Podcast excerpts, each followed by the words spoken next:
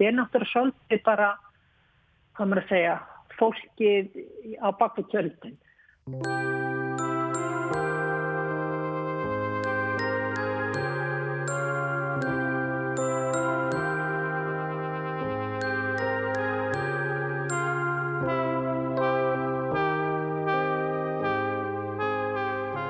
Hér heyrum við í Elinu Steinu Krismundsdóttur en henni kynustu betur síðar í þætti dagsins.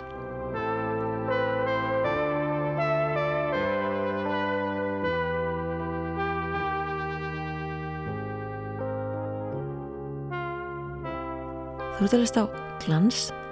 Ég heiti Anna Geða Sigur Gísladóttir og í þætti dagsins höldum við áfram á slóðum flugsins.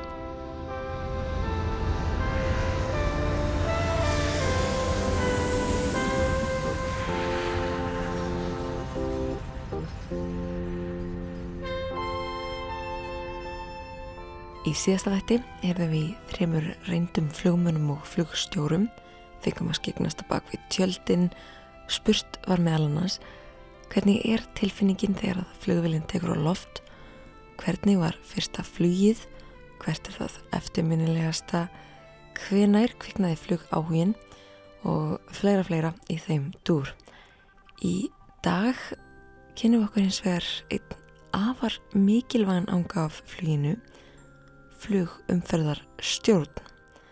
Þetta er starfsemi sem að fer ímest fram upp í flugturnum eða niður í flugstjórnar miðstöðum Starfinu kann að fylgja töluverð streyta og álag þar sem að það er á þeirra herðum að tryggja örugt bíl millir flugvila og flugi veita fyrirmæli um þá stefnu og hæð sem flugvil skal fljúa eftir á þá leiðsynni á áfangastað og það er raun þannig að um leið og flugvil tekur á loft er hún undir stjórn eins eða fleiri flugumfrastjóra.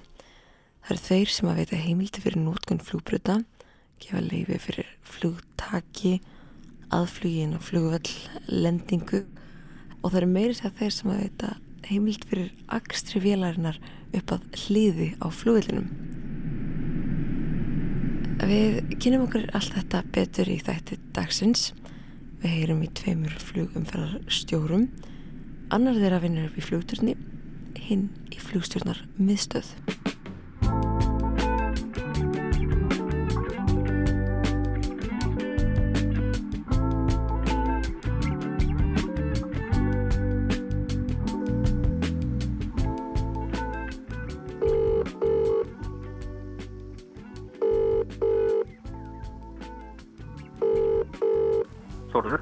Hæ, nú er þetta komið.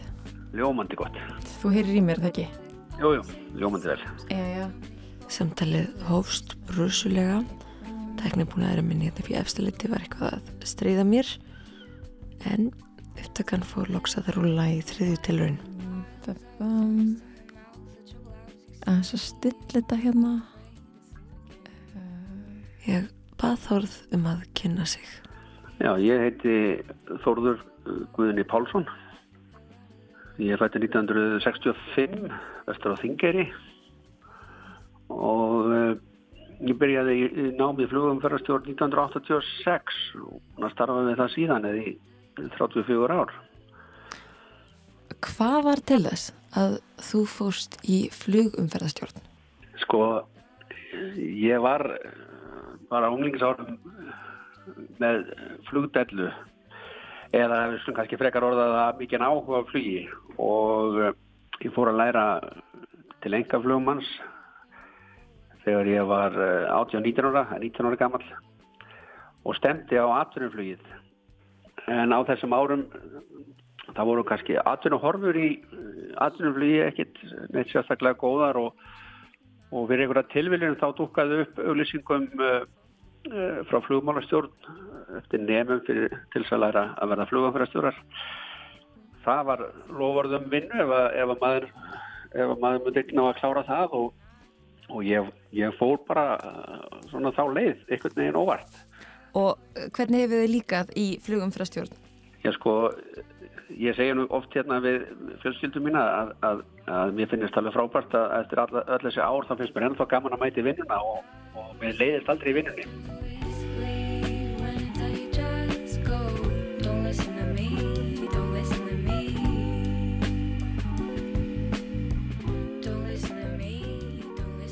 Hvernig myndir lýsa hefðbundum vinnudegi hjá þér? Hefðbundu vinnudagur er þannig að, að, að þegar uh, flugumfærstöru mætir á vaktina þá, þá byrjar hann á að, að kynna sér uh, hvað er í gangi fyrir þann daginn. Það er, það er kynningablaðið, það er svona brífing sem leikur frammi sem er búið að útbúa fyrir, fyrir daginn, hvað er framöndan, hver er spáinn um umferð og, og, og er eitthvað í veðrinu sem að þurfum að hafa til hliðsjónar og, og svona þannig að við undirbúum okkur svona fyrirfram áður en við setjum síðan niður og, og, og förum að sinna umferðinni. Mm -hmm. og eh, en síðan tekum bara við eh, hérna eh, að leysa af þann sem að er sittur við að vinna og síðan gengur dagurinn yfir þannig fyrir sig. Flugumfærastjórar eru yfir á vakt svona kannski kringum 9-9,5 tíma. Það er með að vera þeir setji, setji ekki lengur en 90 mínútur í einu í vinnustöðu og, og fá þá sé eh, að mennskostið 30 mínútur. Þetta er svona, svona viðmið. Oft kannski er þetta klukkutími sem mann er að sitja við og, og, og síðan kannski ykkur rúmur hálftími til hvort er í sem mann hafa til þess að, að slaka á að milli. En þetta ræðist allt bara af álægi og innan dagsis það getur verið mjög misjamt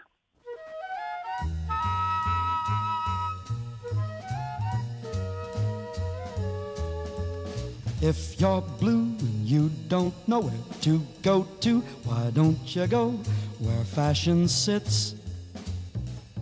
Að meðan að Þóruður vinnur í flugstjórnar miðstöðinni þá vinnur næsti viðmældi cirka sjö hæðum ofar.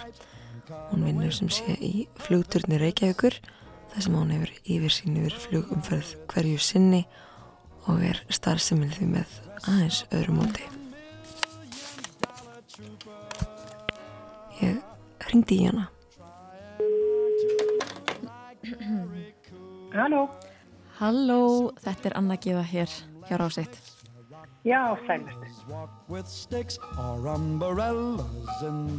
Elín Steini Krismustóttir heiti ég og ég er flugumfröstjóri, varstjóri í fluturnunum í Reykjavík. Hvað fælst í starfi flugumfröstjóra? Flugumferðarstjóri sér um að eh, stjórna flugumferð og starf mitt þá fælst í því að stjórna flugumferð í kringum flugvöld.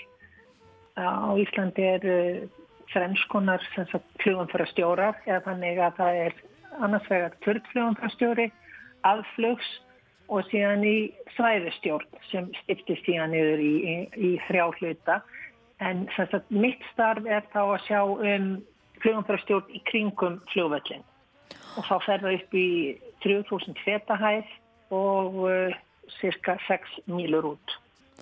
Er það þá aðalega flugvilar sem þú sérð með berum augum út um flugturnin? Já, það er akkurat rétt. Það eru flugvilar sem er að koma inn til endingar og fara frá okkur. Mm -hmm. Og hvernig myndur þú lýsa hefðbundum vinnudegi hjá þér? Það er enda mjög misjáft. Í Reykjavík þá erum við svolítið veðurháð þar sem að þegar gott er veður þá er, getur verið mjög mikið að gera.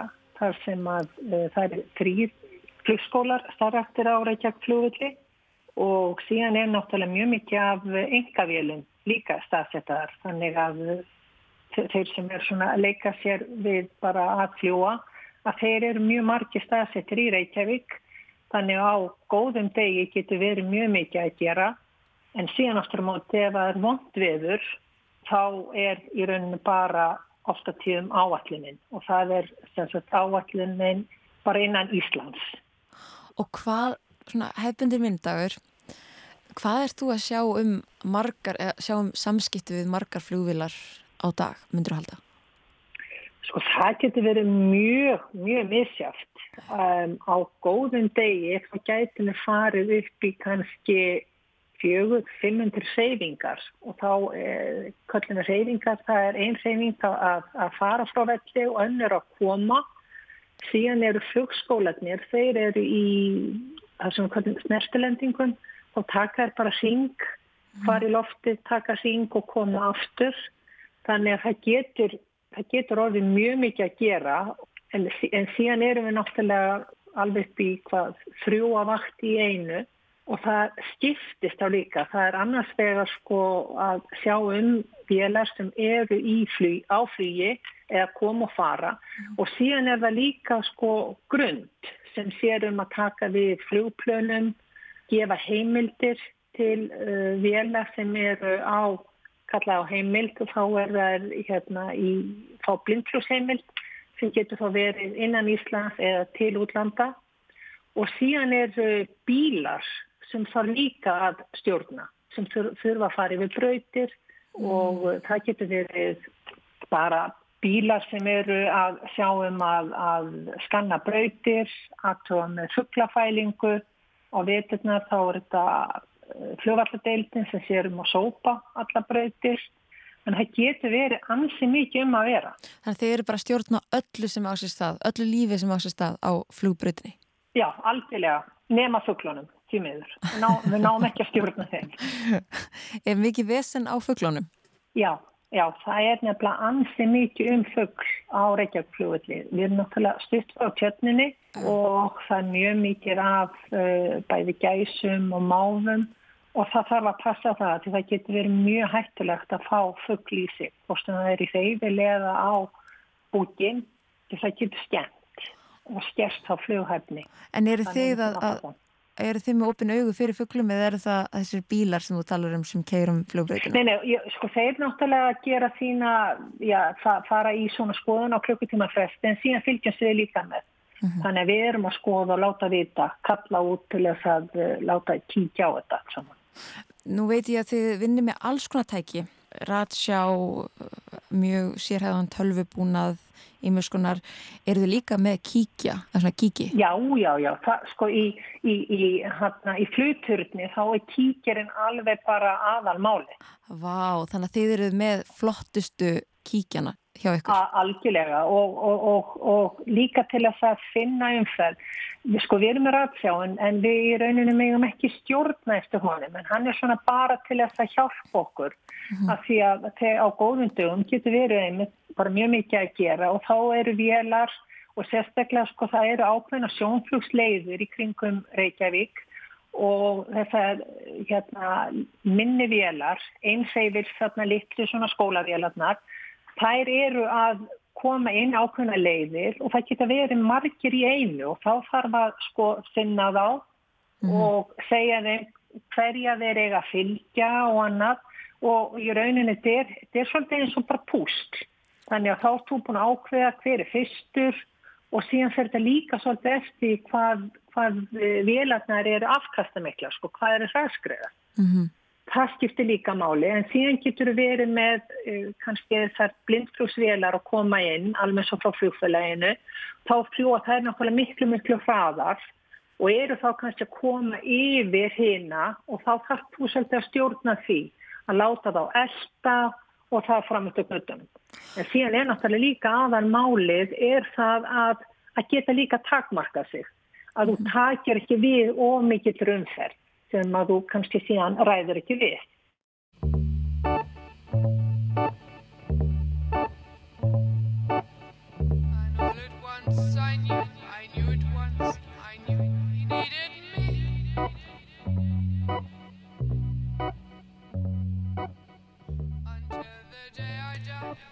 Ég veldi fyrir mér hvað íslenskir flugumferðarstjórar stjórna stóru svæði. Við erum að stjórna mjög stóru svæði. Íslenska flugstöndusvæði er, er með þeim stærstu í heimi. Nú, hvers vegna og, og hvað er það stórt? Það spannar um, um 5,1 miljón ferkilometra og eh, er eh, flugumfærstur í Íslandi þeir, þeir, þeir sinna í rauninni sko norður en ista hlut allansafsins og er að sinna þá flugi sem er fyrst og fremst að fljúa milli Evrópu og síðan eh, til Bandaríkinn og Kanada. En eh, ég myndi að segja minnstil hlutin að því sem við fáast við er flugið hér á Íslandu og til og frá landinu. Þegar þú segir sko flug frá Evrópu til Bandaríkinn og Kanada alla flugvilar sem bara fljúa yfir Allandshafið og einhvern veginn snerta inn á ykkar svæði þær þurfa að hafa samband við ykkur? Já, það er uh, svona ef við ítum kannski COVID ástandur aðeins til liðar svona auðvitað sagt bara svona venjulegu, í venjulegu áferði mm -hmm. þá eru að fljúa uh, yfir Allandshafið, hérna Norðu Allandshafið kannski einhver starf bylni 1500 til 2000 flugvilar á dag wow. og svona meðaltali þá er Ísland, íslenska flugstöðunsveið að, að fá svona eitt þriði af því eh, það getur enda rokka svolítið millir daga það sem að stýrir þessu náttúrulega mjög mikið hvar flugvilar vilja fljúa yfir hafið eru, eru hálóftavindanir mm. og þeir eru ekki alltaf á sama stað þannig að sögum að daga eru við með meira aðra daga eru við með minna En svona meðaltali eru, eru við með um það byrjum þriðja partin af þessum 1500 til 2000 flugvelum sem fljúa hérna fram og tilbaka yfir hafið og, og hafa aldrei viðkoma á Íslandi. En af hverju er okkar uh, flugstjórnarsvæði svo stórt? Það er uh, góð spurning. Ísland er náttúrulega staðsett hérna eins og, eins og lítið flugmóðurskip út, út í miðju allansafinu og mjög vel staðsett eh, sérstaklega upp á að koma fyrir tækjabúnaði fjarskiptabúnaði, ratsjabúnaði og slíku sem að, að gefur okkur möguleika að, að eiga samskipti við fluglar og, og trúlega hefur það átt stóran þáttu því að, að þetta var sett upp svona, þetta er, þetta er búið að vera áratugum saman, líklega frá því á fyrsta áratugnum mm. þegar að taka við að stjórna þessu, þessu svæði. Já, þannig að það hefði geta verið Grænland en það var ákveðið að þetta er í Ísland sem segju um þetta svæði. Já, og þegar ég sagði áðan uh, að svæði væri þetta stórt 5,1 ferrkilometrar þá svona kannski til að setja það svona, eða lýsa því kannski aðeins nánar þá byrjar svæðið okkar upp á Norðupól Já. og lig, liggur frá Norðupól til Suðus uh, meðfram, eða svona rétt fyrir vestanstrendur Noregs og, og Suðu fyrir Færiar Þannig liggur það til vestus, eh, réttir norðan Skotland og allarleið eh, vesturettir liggur um það vel 200 mílur hennar söður á landinu og áfram og vestur og yfir Grænland og síðan til norðus milli Grænlands og, og Kanada og, og þaðan upp á norðupólun. Þannig að þetta er svæði sem við erum að, að annast.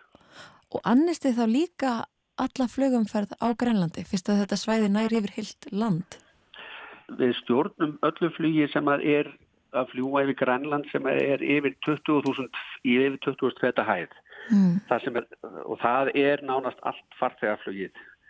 Það sem er fyrir neðan þessa hæð yfir Grænlandi er, er annars grænlandika sjálfur En, en við erum með allt annað sem er fyrir utan grænlandstrendur og fyrir ofan 20.000 það eina sem er undarskilið frá þessu er svona allra síðstil hluti grænlands þar koma Kanadamenn inn og, og, og stjórnafluginu sem er farið við 20.000 en, en langstættir hluti grænlands, grænlandska loftrýmisins þar að segja efrilögin eru í umsjón Íslandinga Ég skil og, og annað sem ég velti nú fyrir mér til þess að ná utanum þess að stærð sem þú talar um, 5, hvað?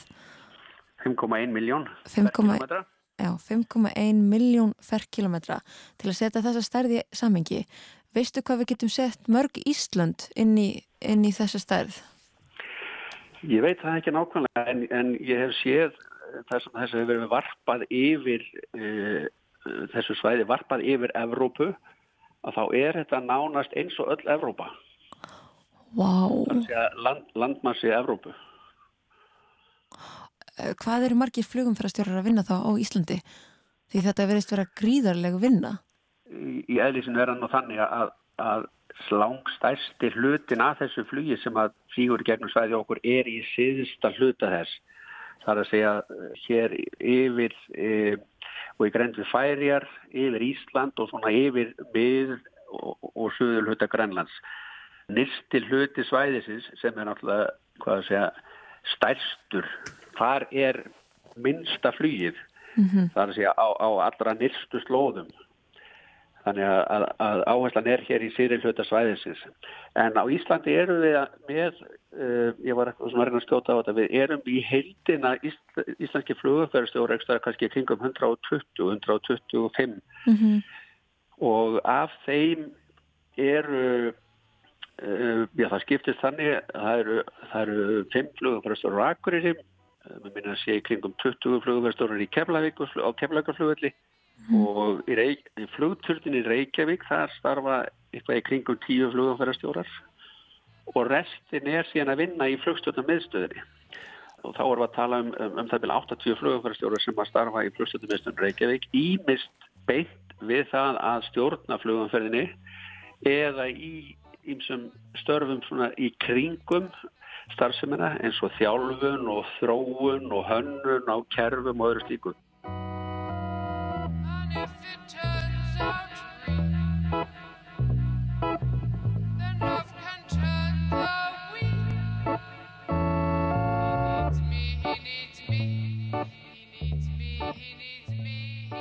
Hvenar byrjaði þetta hjá þér? Sko, hvenar byrjaði áhugin yeah. og hvenar ákvæðast að gerast flugumferðarstjóri?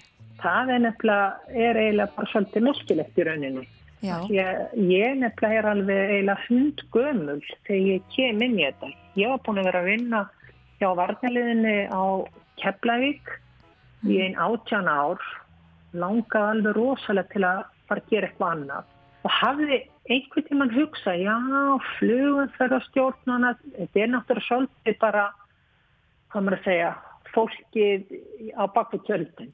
Mm. Veist, fólk veit eiginlega ekkert, sko, margir haldaði sem með spaðana, þú veist, hérna, já, á, á flugbreytinni. Á rampinum, sko, einn mm. sem lærði með mér, ammenna sæn, af hverju langar til að gera það? Því það er svo kast. Jæja, en aftur á móti að þá sá ég auðlisingu og ég reynda hérst að ég væri orðin og gömul en maðurinn minn hann sagði neina að það væri nú eitthvað breytinga þar því ég er orðin sko 38 ára gömul þegar ég sæti um já.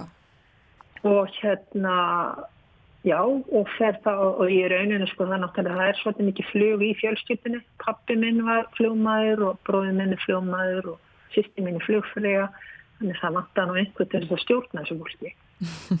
Og hérna já ég bara sótt um ég er rauninni på von og ofan. Ég veist ég er rauninni svo sem ekkert í hvað ég var að fara. Já. en er rosalega glöð í dag. Nú er ég búin að vera með þessar gildréttindi í átjan ár og bara finnst þetta mjög skemmtilegt og ég rauninni líka bara segja fólki sko maður, maður getur alveg allt mm. þó, þó, þó maður sé orðan aðeins eldri. Ég held mér að ég hafi sér sem þetta hafi verið eldsti nústarfandi sko hérna fljóðanfærastjórin sem að fekk fyrstu réttindi. Það er miklu, miklu algengara að fólk millir 20 og 30 sé að koma.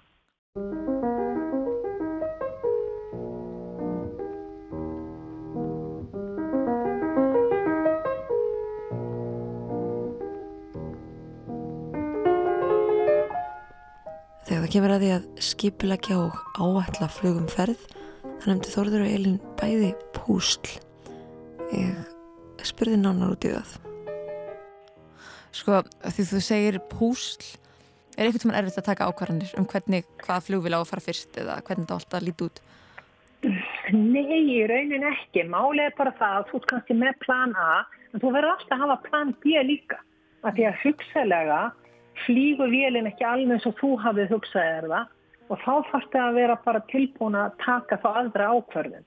En máli er bara það í flugtyrni þá þarftu að vera svolítið snöggur.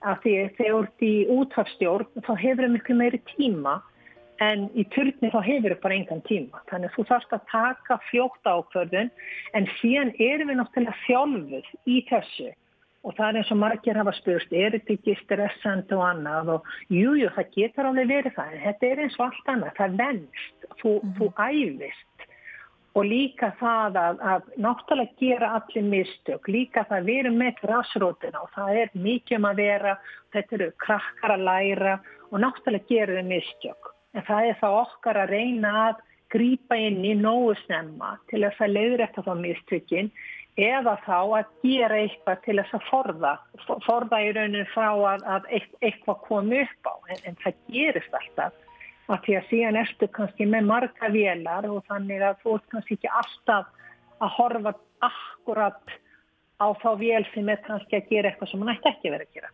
Já, ég skil. En skilur hvers vegna það er oft talað um starf flugumferðarstjóra sem sko gríðala streytuvaldandi starf?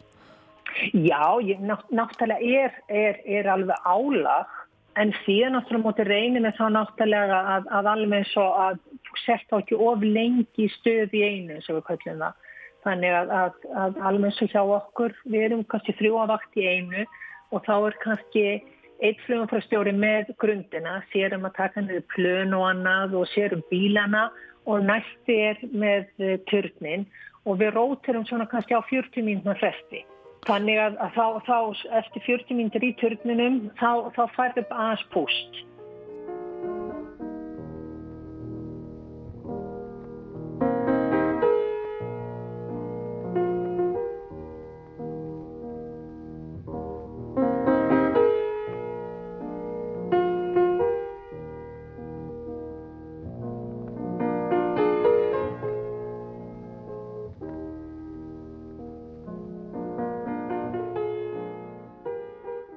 Hvað þarf til dæmis hver starfsmæður, hver flugumfærastjóri að sjá margar flugvilar á dag? Ég, ég næ bara ekki utanum það sko, hvernig þið hugsið um svo mörg hundru flugvilar í einu í loftinu og, og einhvern veginn passið upp á að, að, að upplýsingar séu réttar hjá hverju einni og, og, og þessar. Já, þetta er líka ágætið spurning. Þetta er sett um þannig að á hverjum tíma þá er hver einn flugverðarstjóri ekki að vinna með meira en og nú er ég svona að segja svona, svona nálgun það er ekkert svona alveg absolutt uh, niður njörfað en, en, en uh, ef að flugverðarstjóri sem er að vinna með, með flugverðarna hérna á hafinu ef hann er komið með 30 flugvilar á borði hjá sér sem að hann er annars sjálfur þá er hann fann að nálgast efri mörgs sem við viljum ekki fara yfir og þá, það sem við getum gert þá er að við getum þá skipt og það getur annar flugumfæristöru komið inn og tekið hluta af þeirri umferð sem að fyrir flugumfæristörunum með. Þannig að þess vegna erum við til dækið fjölda á hverju vakt til þess að á að geta annað þeirri umferð sem er á hverjum tíma yfir sólarhingin.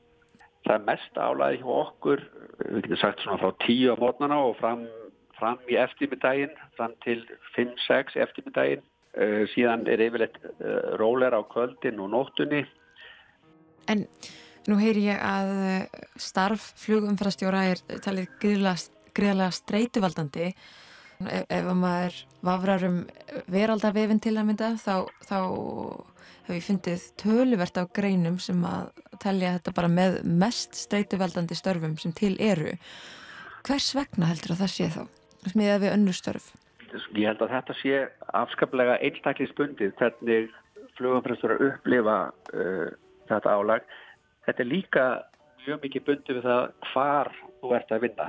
Uh, ert að vinna á flugvelli, þar sem er mjög mikið umferðir, ert að vinna í aðflugstjórnarsvæði fyrir flugvöll eða flugvelli, þar sem er mikið umferð, ert að vinna á, á rólegum flugvelli, ykkur staðar upp í sveit. Það getur verið svo mismunandi álag á hverjum stað. Það sem skýrist bara því að, að það er miklu meira að gera á Hýþróflugu til London heldur en á, á Fossum og Longanesi eh, eða í Kirkinesi Norða Nóri eða eitthvað stíkt þannig að það hefur mikil áhrif en aðalega held ég að áhrif bara einstaklingur hvernig hann höndlar álag og hvernig álag er stýrt á hverju stað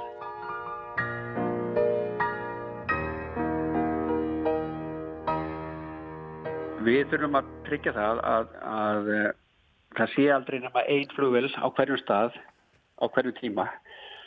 En svo segðað áðan, þá liggur svolítið álag í því að, að flugvelar eru mjög mikið að fljúa á svipum tíma. Þetta umferðan minnstrið, eh, það má svolítið segja þetta svona til einfalda að þessar 1500 til 2000 flugvelar sem ég nefndi áðan sem fljúi yfir hafið eh, þetta er vel sömu flugularnar sem fljúa fram og tilbaka, þetta er bara áhættanarflug.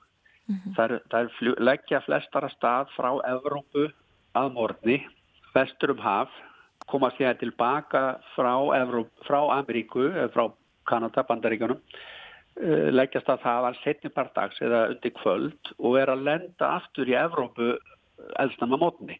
Þess mhm. vegna er álægið e, mikið hjá flugafærastjórum að, að, að skipulegja þetta og uh, halda aðskilnaði, breyta flugleiðum, breyta hæðum eftir því sem þarf til þess að þetta gangi alls saman uh, snurðulust fyrir sig. Já, þannig að þetta er daldi púsl? Þetta getur oft verið svolítið púsl, algjörlega. Þetta, þetta er eitt reysastórt púsl sem við erum að vinna með og það má ekkert gera, gera mistök í því. Nei, um veit. Þannig að flugumfærastjórar þurfa að vera vakandi í vinninni. Já, það er ekki hægt að, að, að hérna, slaka á það minnir mér endur á eina sögu já af því að, að flugumfærstöru þurfa að vera vakandi í vinnunni ég var að vinna einu sinni í flugturninu með Reykjavík og að nóttu til og þá var nú reynda þannig að, að þá gæt maður lagt sig á nætuvættinni því að það var, það var ekkert að gera yfir miðanóttina í Reykjavík flugurli mm -hmm. og flugumfærstöru sem var þá bara einn á vakt þar hann gætt uh, lagt sig. Og ef eitthvað, ef það var vona á flugvel þá, þá ringdi símin og, og þá hafði maður tíma til þess að yfirleitt þokkalega góðan tíma til að undirbúa sig fyrir ef það var að koma flugvel þá gerði hann sjúkarflöðið eitthvað slíkt en ég var einu sem að vakt í, flugturnum Reykjavík og, og hérna að nóttu til var sofandi og ringi símin það var svarta virkur úti og þá var það aðflugstjórnum sem að þá staðsins í Keflavík og var að segja mér að, að það var að koma flugvel. Þessi flugvel, hún var, var yfir skerrefyrðunum. Það voru þrjár mínútur lendingu þannig að ég rétt hafði tíma til þess að kveikja ljós og, og, og, og hérna eftir þrjár mínútur þá var lend á flugvelinu stærsta flugvel sem var nokkur tíma lendar. Hæ? Sem var, sem var hérna bandarisk herrflugvel C-141 Starlifter mm -hmm. og sem að gati ekki aukrum ástað að lendi Keflavík ég, ég var svo rétt búin að opna augun, svara símanum og þá var þessi reysa flugvel lett. Vá, þú hefur verið stressaður þarna á þessum þrejum mínutum. Já, það er svona aðeins hérna, sló hjarta á ræðar. Já. Þannig að hérna... En þetta gekk? Þetta gekk ágillega, já. Eins gekk líka ágillega, það var ekki nóttu til, var, en það var degi til, það var ég líka í flugtörnum Reykjavík þegar kom lítil erlend flugvel inn til lendingar og hún hafi lendt í ykkurum, ykkurum ógangum á leiðinni því að þegar hún kemur inn til lendingar og hún var búin að segja okkur að það væri eitthvað aða vængna hjá henni og þegar hann kemur inn til lendingar og, og, og lendur á brautinni sem gekk vel þá lagðist íst til hluti annars vængsins nýður bara mm. beint nýður mm.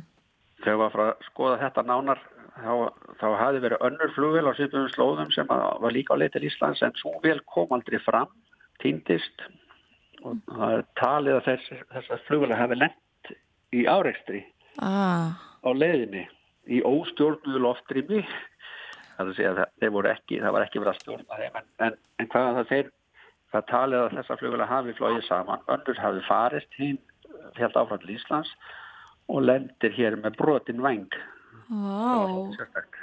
Og þessi flugvil sem komst af, hún fattaði ekki hún hefði lendt í áraugstri. Flugmaðurinn fattaði þessist ekki. Hann alltaf vildi ekki kannast við það. Ég skil ekki. Það er ímislegt sem þið hafi séð og, og lendi í þessari vinnu, það ekki? Já, sko, þeir sem að eldri eru kannski, var kannski séð eitt og annað, en ég finnst samt svona, svona í setja tíð þá, þá hefur öllum svona, svona málum fækkan við mikið. Ég held að þó að við sem ekki laus, menna, ekki laus við óhöfn, það verða óhöfn í flugi því miður aftur og aftur en, en við finnst samt eins og þetta hafi minkað mikið og sérstaklega hefur minkað mikið þessi óhöfn sem hafa orðið í sambandi við ferjuflug sem að, sem að voru hér mjög tíð á árum áður og Já. sérstaklega vil ég, vil ég heimfara það upp á, upp á bara miklu betri flugleðsu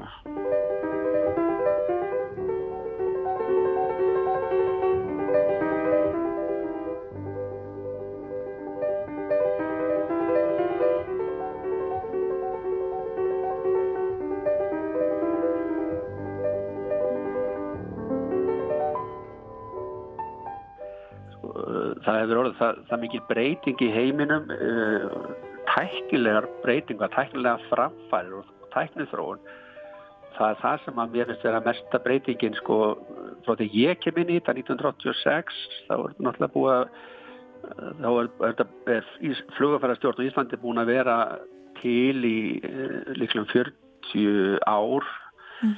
þetta byrjar á 1946 eitthvað þar um byrj en síðan ég kem til sögun 86 og fram til dagsins í dag þá hafa tækni framfarnar orðið alveg gríðarlega miklar.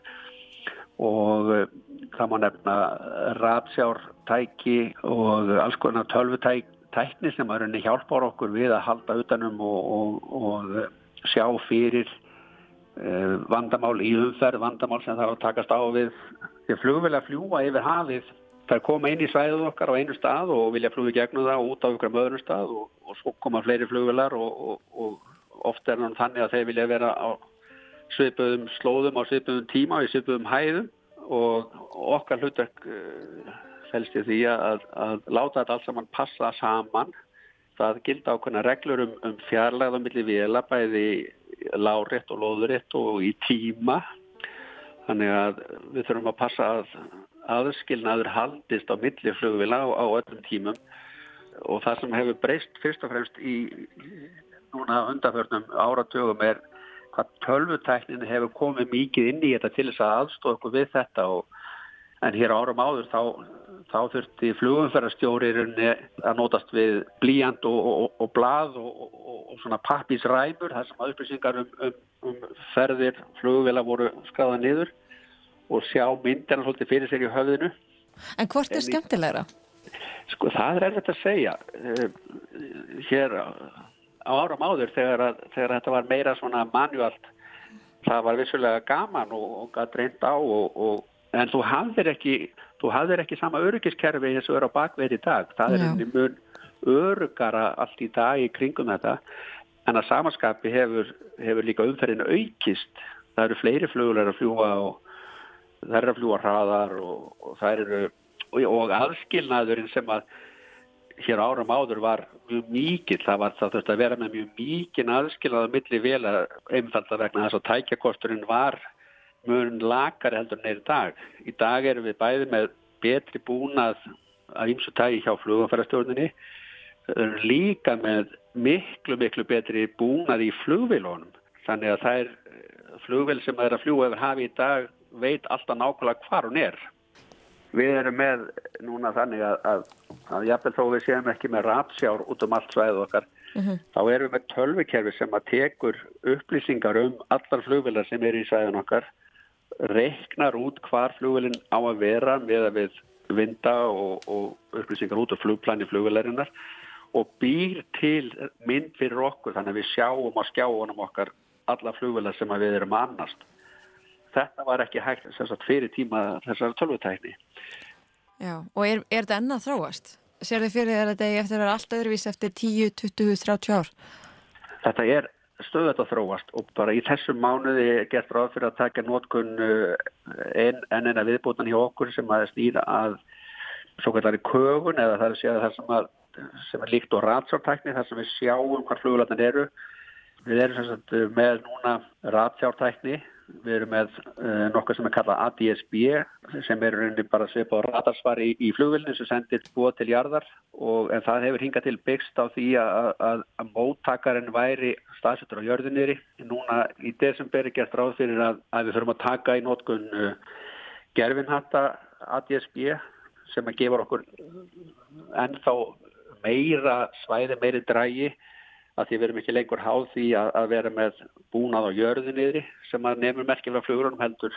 Nú mm. eru gerfitungni farin að taka við og, og þau senda síðan gögn til okkar með alveg ótrúlega hraða þannig að við erum að fá, við erum að fá kannski hver einustu sekundu upplýsingar frá hver einustu flugvill um, um hvað hún er. Þannig að þetta hljómar, þetta hljómar er svo geinvísiti fyrir flugumferðarstjórun sem var að vinna 1986 sem dæmum þetta hvað tækjapkost í flugvelum hefur breytt miklu að uh, Ísland hefur verið viðkominn staður ferjuflugvila, þannig að segja lítilla flugvila sem er að fljúa yfir hafið með Evrópa og Ameríku, Evrópa Ameríku. Mm -hmm. og uh, hér árum áður þá voru algenga fréttir af því að vélar, flugvila voru að tínast, flugvila voru að fara í sjóin. Oftast var það vegna þess að það er bara heillega viltust á leiðinni. Það er flugast að frá Grænlandi eða flugast að frá Kanada og stemdu til Íslands til dæmis uh, með sára lítinn tækja kostum borð. Síðan eru lagðakerfi á, á, á hafinu og, og það er kannski ef þú fer öfu megin í lagðina þá, þá, þá getur þið rekið af leið og lendu, þessu lendu margir í og komast aldrei til lands. Þetta eru við nánast alveg hægt að sjá í dag því að flugmenn nánast villast ekki lengur. Menn fljúa með sín GPS búnað í, í flugvelum og vita alltaf nákvæmlega hvað þeir eru.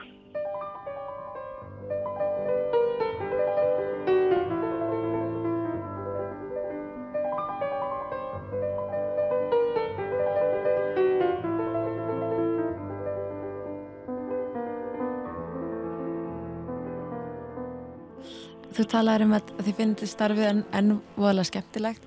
Hvað er það skemmtilega við að vera flugumferðarstjóri?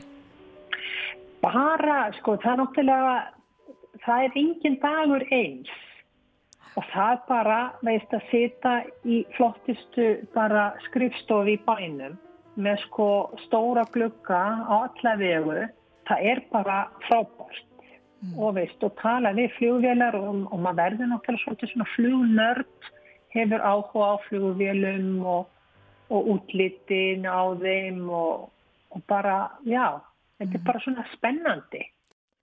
Einn hlýðarspurning, hvernig tala flugumferðarstjórar við flugvélar? Sko viðskipti, sem sagt talviðskipti fara fram í, í rauninni í frösum Þannig að það er svona standardfrasa, það er ekki eins og maður segja spjallæni sko. Varur til að gefa okkur dæmi? Því nú veit ég að flugtungumálið er ólíkt öðrum tungumálum og þeir sem ekki þekkja það skil ekki neitt. Nei, það er bara til dæmi sko að þegar, þegar við fær sko flugtagsheimilt þá, þá er það bara akkord standard. Segjum það á tótni við sem heitir uh, Ingi Freyk Davíð að þá er það bara Ingefrið Davíð og far vindin kannski 310, þá er 10 brauð, þrýreit, heimitt fluttak. Mm. Það er bara stuttsetning og þá er allar upplýsingar það komnar? Þá er allar upplýsingar komnar, þá er hann búin að fá fluttaksheimilt og alveg svo það að þegar einhver að koma inn þá fara hann leið, kannski Ingefrið Davíð, leið fjögur, brauð nú leið og síðan QNH og vindur og QNH það er, er lopppressan sem á alltaf að gefa þannig það eru svona, þetta er bara svona ákveðið já, flugtungumál. Mm -hmm. Þannig að, að, að sko, þú, ert, þú ert aldrei í rauninu á einhverju spjalli við einhvern sko áturbylgi. Mm. Þa, það, er, það er bara eiginlega ekki gert.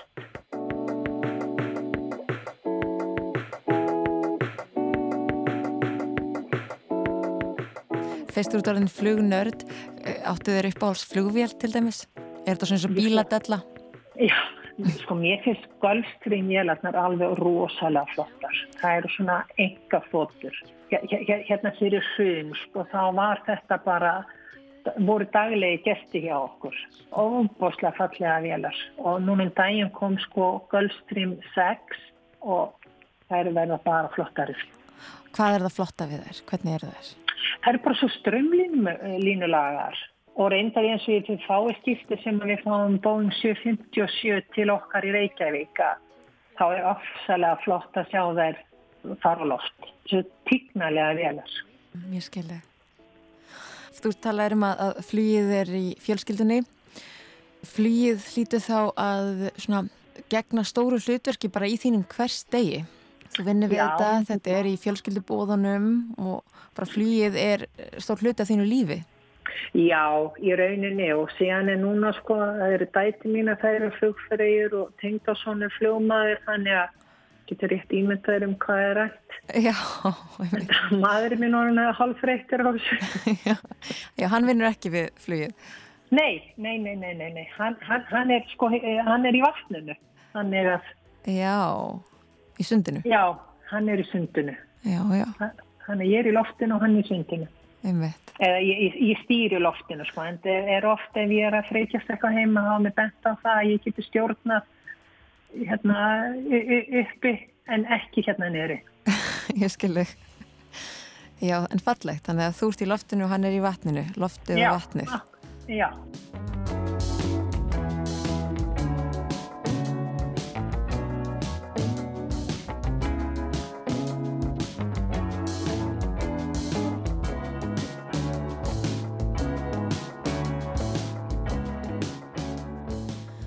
Hefur það einhvern tímann gerst að uh, flugvél lendir hér á landi án þess að hafa samband við ykkur? Ég man ekki eftir því að hún hafi, að eitthvað slíkt hafi gerst þar að segja að hann hafi komist allalegð yfir og lett á Íslandi á þess að hafa sambandi nokkur mann.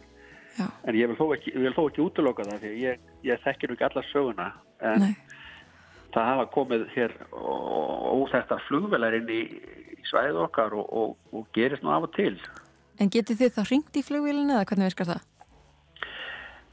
Nei, það sem ég var nú með í huga núna var, voru kannski fyrst og fremst uh, rúsneskar njósnaflugvelar sem hafa verið að koma norðan á hafi og, og, og hér niður á milli Íslands og, og, og færi eða milli Íslands og Grænlands sem að hafa verið í svona njósna eftirliti. Þetta er flugvelar sem að hafa aldrei samband við okkur og, og við getum ekkert haft samband við. En uh, landvíkskjast Íslands sem að hefur sinni svona loftvarna eftirliti Íslands þeir fá upplýsingar um, um ferði þessara vela oft frá frá bandamönnum Íslands í NATO og þeir láta okkur vita en, en, en ofta tíðum þá sjást þessa vel aldrei og, og hafa aldrei samband ratsjárkerfi sem við notum í flugstjóðnumiðstöðinni byggir á, á því að, að flugvelin sem er radar svara og sé að senda okkur gögn Mhm. en ef að velin vill ekkert senda okkur einn gögn þá sjáum við hann ekki Mm. Já, þannig að það gætu verið flugvélar þarna, einhvers þar á sama svæði og þið bara vitið ekki á þeim. Já, já, það geti verið og, og eins og segja, það voru það fyrst og fremst um að ræða ykkur skonar her, herflugulega sem að vilja ekkert að við vitum af þeim en, Mhm. en, en þeir sjást á, á ratsjá, svona svo kallari frumratsjá sem að landkísjálf notar Eh, en við notum ekki þann hluta ratsjárinar við flugumfærastjórnuna því að við erum að stjórna flugulum sem að hvað sé að taka þátt í leiknum og eru uh, að senda frá sér líka og, Mhm. en herflugvel herflugvel sem vill ekki láta sjá sig hún, við sjáum hann aldrei Áhugavert.